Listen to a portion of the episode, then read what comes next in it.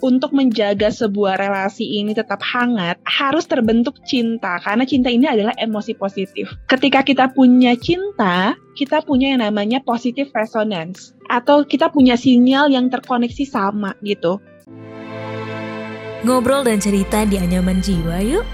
Tenang, kamu gak sendiri kok.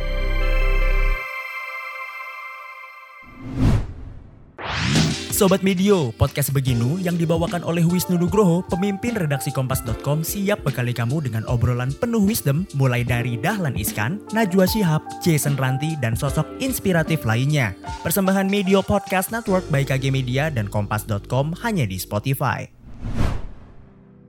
Apa kabar? Kamu semua yang mendengarkan podcast Anyaman Jiwa, selamat datang ya. Selamat datang kembali di podcast Anyaman Jiwa, podcast yang berbicara mengenai kesehatan mental individu, mulai dari ranah pekerjaan, hubungan percintaan, dan juga sebagai makhluk sosial. Nah, buat kamu yang ingin menambah wawasan mengenai kesehatan mental, simak baik-baik podcast Anyaman Jiwa kali ini. Halo, aku Rata Kalesaran, dan di episode kali ini kita akan membahas mengenai makna hidup hidup yang berasal dari relasi hangat yang bekerja sama dengan Yayasan Teman Saling Berbagi. Nanti kita akan ngobrol apa nih Yayasan Teman Saling Berbagi. Mungkin ada yang baru dengar juga ya. Nah sebelum mendengarkan obrolan kita lebih panjang lagi, jangan lupa nih untuk follow dulu dan beri rating terbaikmu untuk podcast Anyaman Jiwa di Spotify. Serta jangan lupa nyalakan notifikasinya ya, supaya kamu bisa terinfo setiap ada episode terbaru yang tayang setiap Rabu dan juga Jumat. Nah, Tahu nggak sih kamu kalau kesejahteraan diri itu bukan cuma bicara selalu tentang aspek material aja. Lebih daripada itu, kesejahteraan atau well-being yang utuh itu tumbuh dari sebuah relasi atau hubungan yang positif. Nah, ngomong-ngomong mengenai relasi, bagaimana sebaiknya kita memaknai hal tersebut? Bahkan ya, beberapa penelitian sudah membuktikan bahwa well-being is derived from relationship.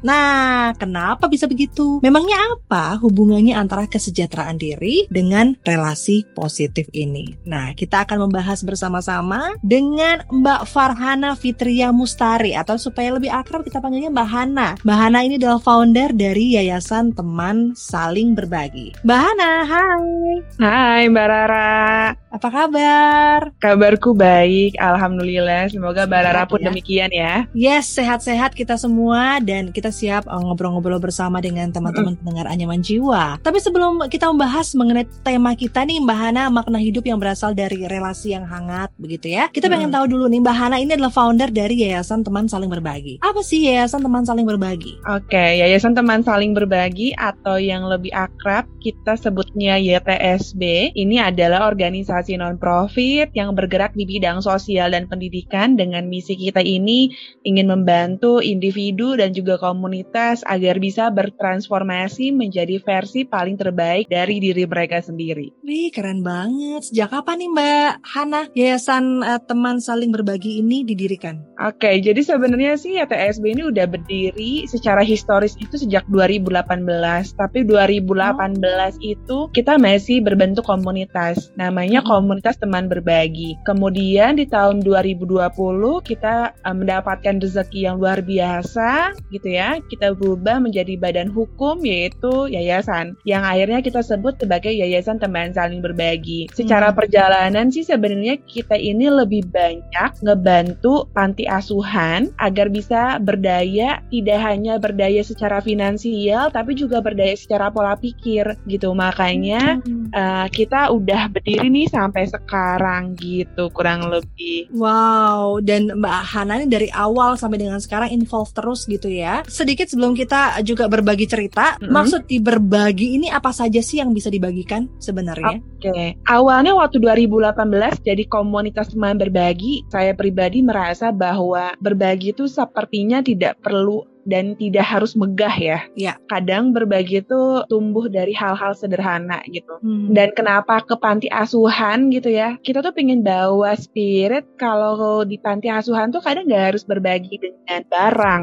hmm. gitu. Bisa jadi kita tuh ketemu sama mereka, kita berbaginya berbagi yang lain, berbagi ya. ilmu, berbagi penguatan, berbagi hmm. afeksi gitu ya. Itu yang hmm. jarang tumbuh Hmm. gitu kan. Dan artinya semua orang bisa terlibat kalau seperti itu gitu. Tidak perlu harus aku punya uang banyak untuk berbagi, gabung sama YTSB sebagai relawan selama kau punya dedikasi dan komitmen, kamu bisa berbagi gitu kan. Dan itu akhirnya terus ditumbuh kembangkan gitu. Dan ternyata semakin perjalanannya berbagi ini nggak cuma tentang kita ke mereka, tapi mereka pun juga ke kita gitu. Ah. Seperti ada dua hubungan timbal balik gitu ya yang jalannya bersamaan dan saling sinergis gitu. Dan itu yang akhirnya kita rasakan. Kemudian berubah kan namanya jadi yayasan teman saling berbagi. Ada kata saling. Mm-mm. 2018 nggak ada kata belum ada kata saling ya, baru teman Ah. berbagi gitu ya. Ada kata saling karena kita mulai merasa bahwa teman yang sejati atau proses berbagi yang bermakna itu ketika kita punya hubungan yang saling, bukan silang. Wow. Karena itu adalah dua terms yang berbeda kan.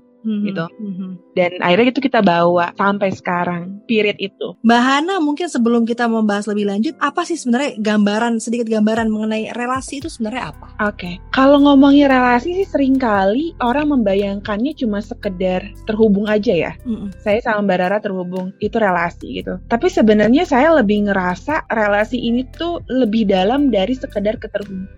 Ada komponen intimasi dan komponen belonging. Jadi melebihi connection, itu Hmm. yang bisa kita sebut sebagai relasi yang ideal. Ada nggak sih perasaan dekat atau intimate antara kamu dengan orang tersebut atau kamu dengan sekumpulan orang gitu kan? Dan yang kedua adanya ada nggak sih perasaan kepemilikan bahasa lainnya belonging Mhm. gitu dan itu perlu direfleksikan gitu kenapa Hmm. karena kita rela loh bayar uang setiap tahun mengeluarkan uang setiap tahun untuk medical check up tapi pernah nggak sih kita live check up dan salah satu yang perlu di check up setiap tahunnya itu adalah relasi kita Mhm. relasi kepada siapa pada dirimu sendiri dan juga pada orang lain.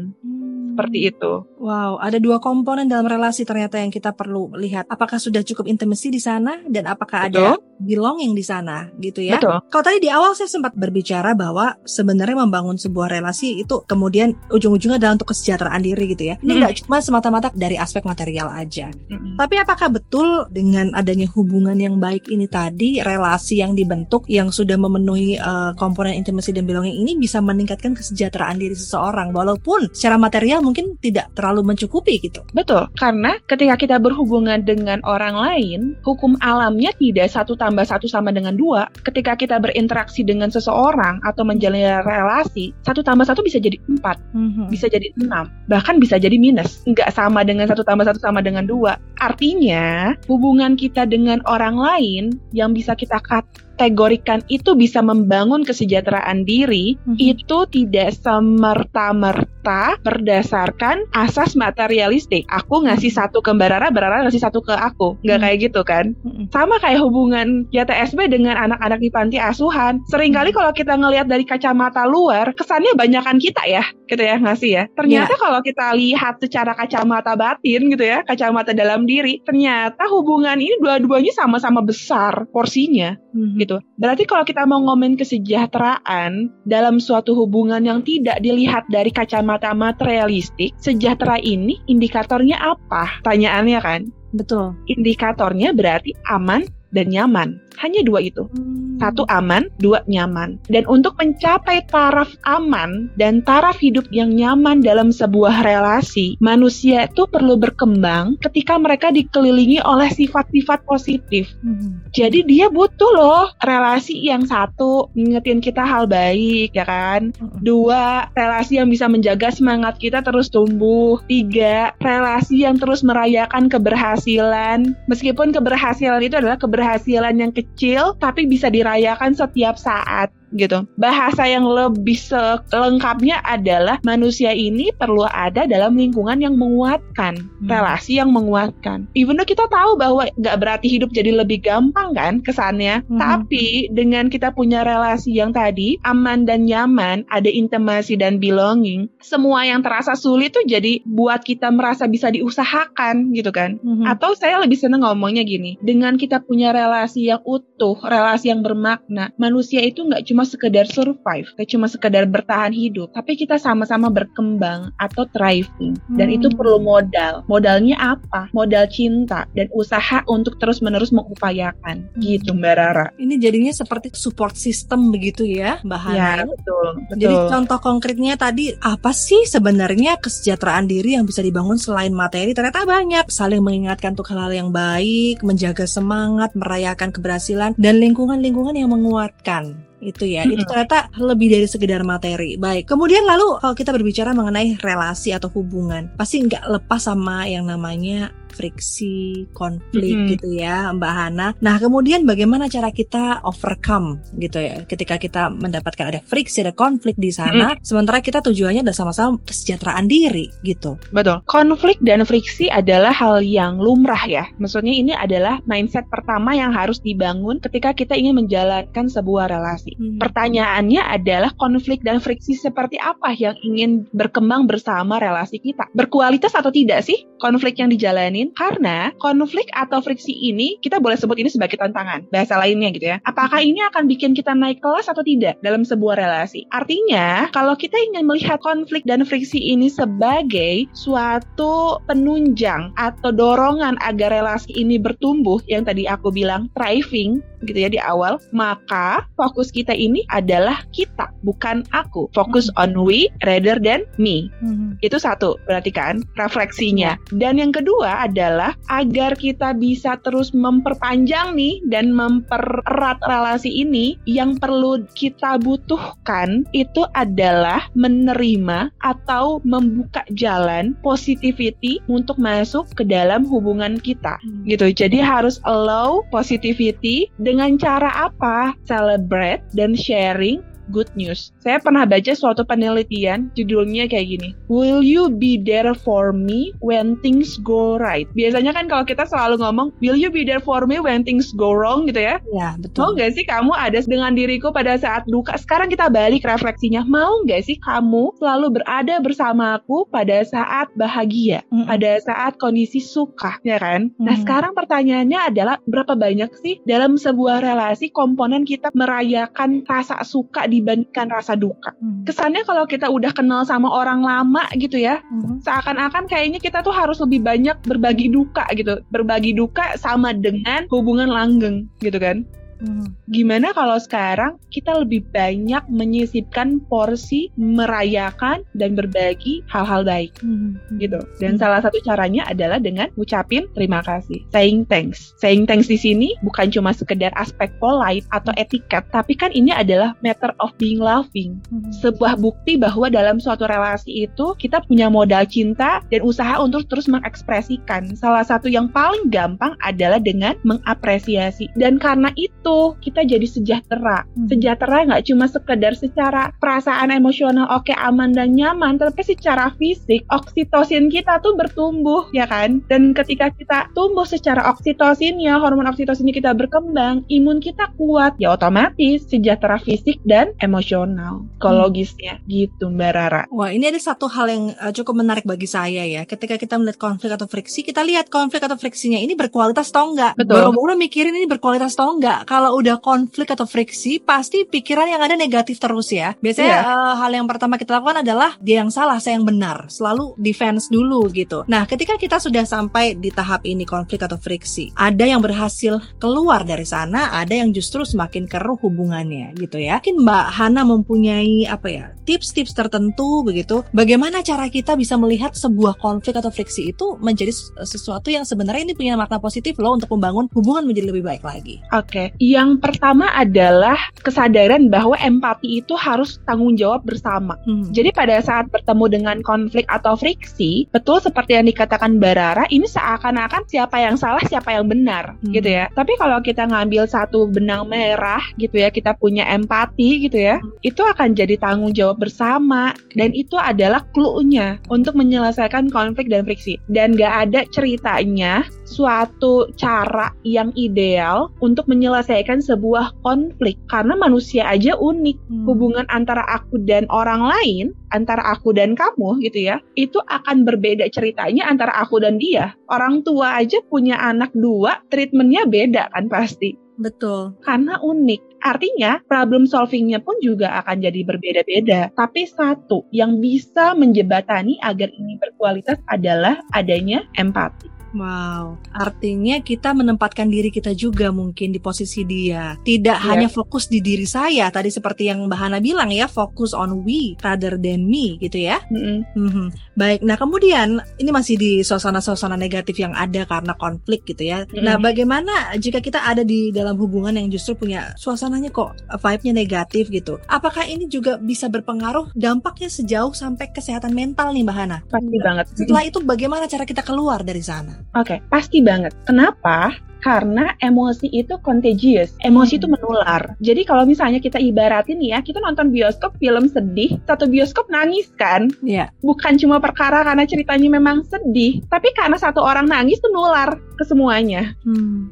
Jadi, kalau kita dalam suatu relasi yang tanda kutip itu penuh dengan emosi negatif, emosi negatif ini tidak harus selalu berhubungan dengan marah dan sedih. Bisa jadi dia pesimis, ya kan? Bisa yeah. jadi dia karakternya mudah menyerah, mudah mengeluh. itu nular. Hmm. Ibaratkan kita misalnya bekerja aja dengan orang yang emosinya negatif secara dominan, ya pasti kita akan ngerasa capek, nah, capek nge-backup Mm-hmm. Capek nge-backup, capek kita harus mengerjakan pekerjaan dia yang tertunda. Efek sampingnya banyak dan otomatis kesehatan mental kita pun juga terganggu. Kenapa? Karena energi kita terbatas, mental bandwidth kita itu nggak banyak dan artinya kita pun juga harus memprioritaskan diri kita juga dong, betul mm-hmm. kan? Mm-mm. Dan efek sampingnya akan domino. Makanya, kenapa kita harus bertanggung jawab dengan diri kita sendiri? Bertanggung jawab untuk menjadi sahabat terbaik untuk diri kita sendiri. Relasi nggak akan terbentuk secara mature kalau individu yang di dalamnya tidak punya self-awareness. Relasi apa pun ya, yeah. cuma relasi tentang percintaan, relasi apa pun. Nggak akan.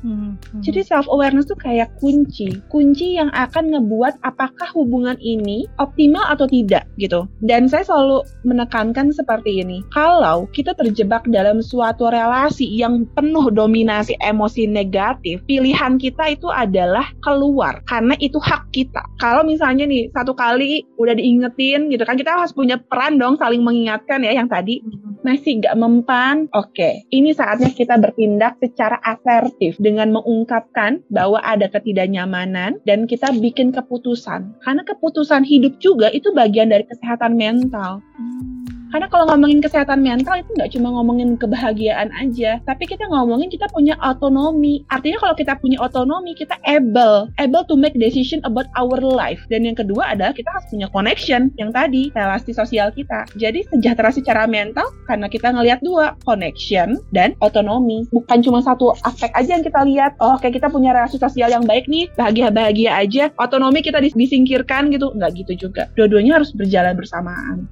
Oke. Okay.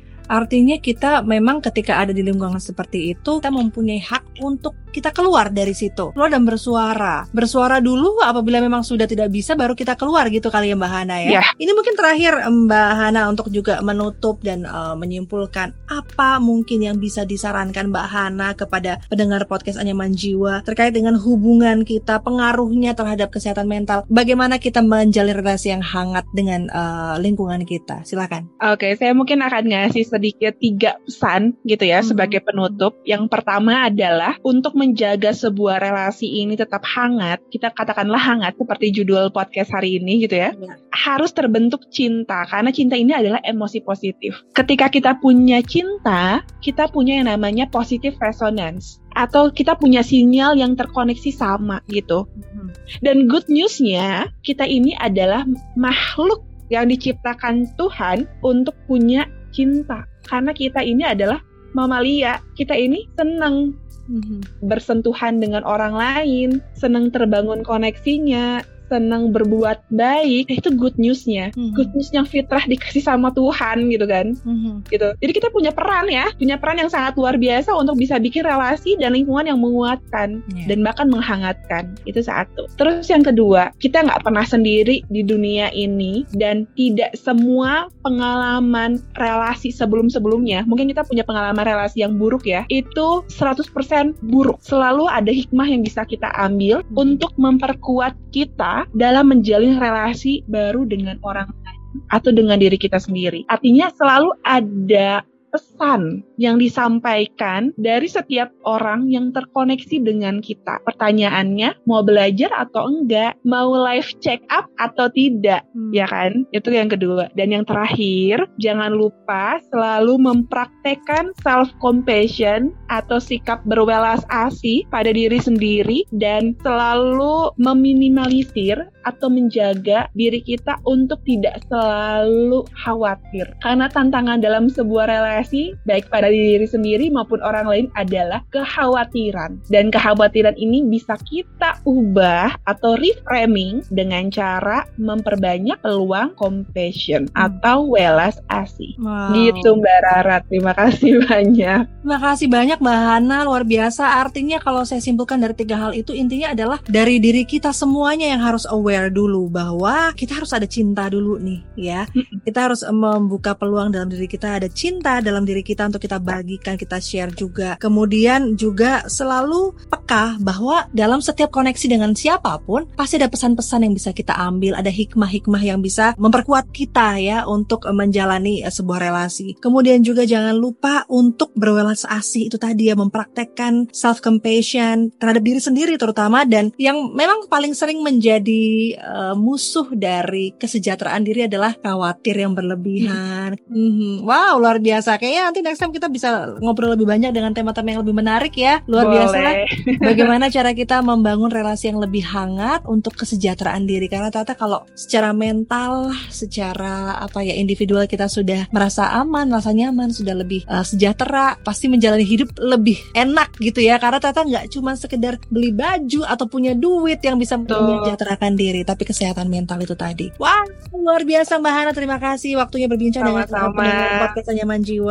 Ya, itu tadi pendengar podcast Anyaman Jiwa. Kita sudah berbincang bersama dengan Mbak Farhana Fitria Mustari, founder Yayasan Teman Saling Berbagi. Nah, buat yang ingin berbagi cerita tentang kesehatan mental, ya mungkin ada masalah-masalah tertentu tentang kesehatan mental, boleh loh berbagi juga ceritanya. Jangan dipendam sendiri ya, karena kamu nggak hidup sendiri kalau kata Mbak Hana di dunia ini ya kan. Langsung saja kirim emailnya ke podcast at kgmedia.id atau follow juga at ytsb underscore official ytsb underscore official dan juga at medio by KG Media. Dengarkan podcast menarik lainnya dari Anyaman Jiwa di Spotify. Saya Rara Kalisaran pamit. Bye.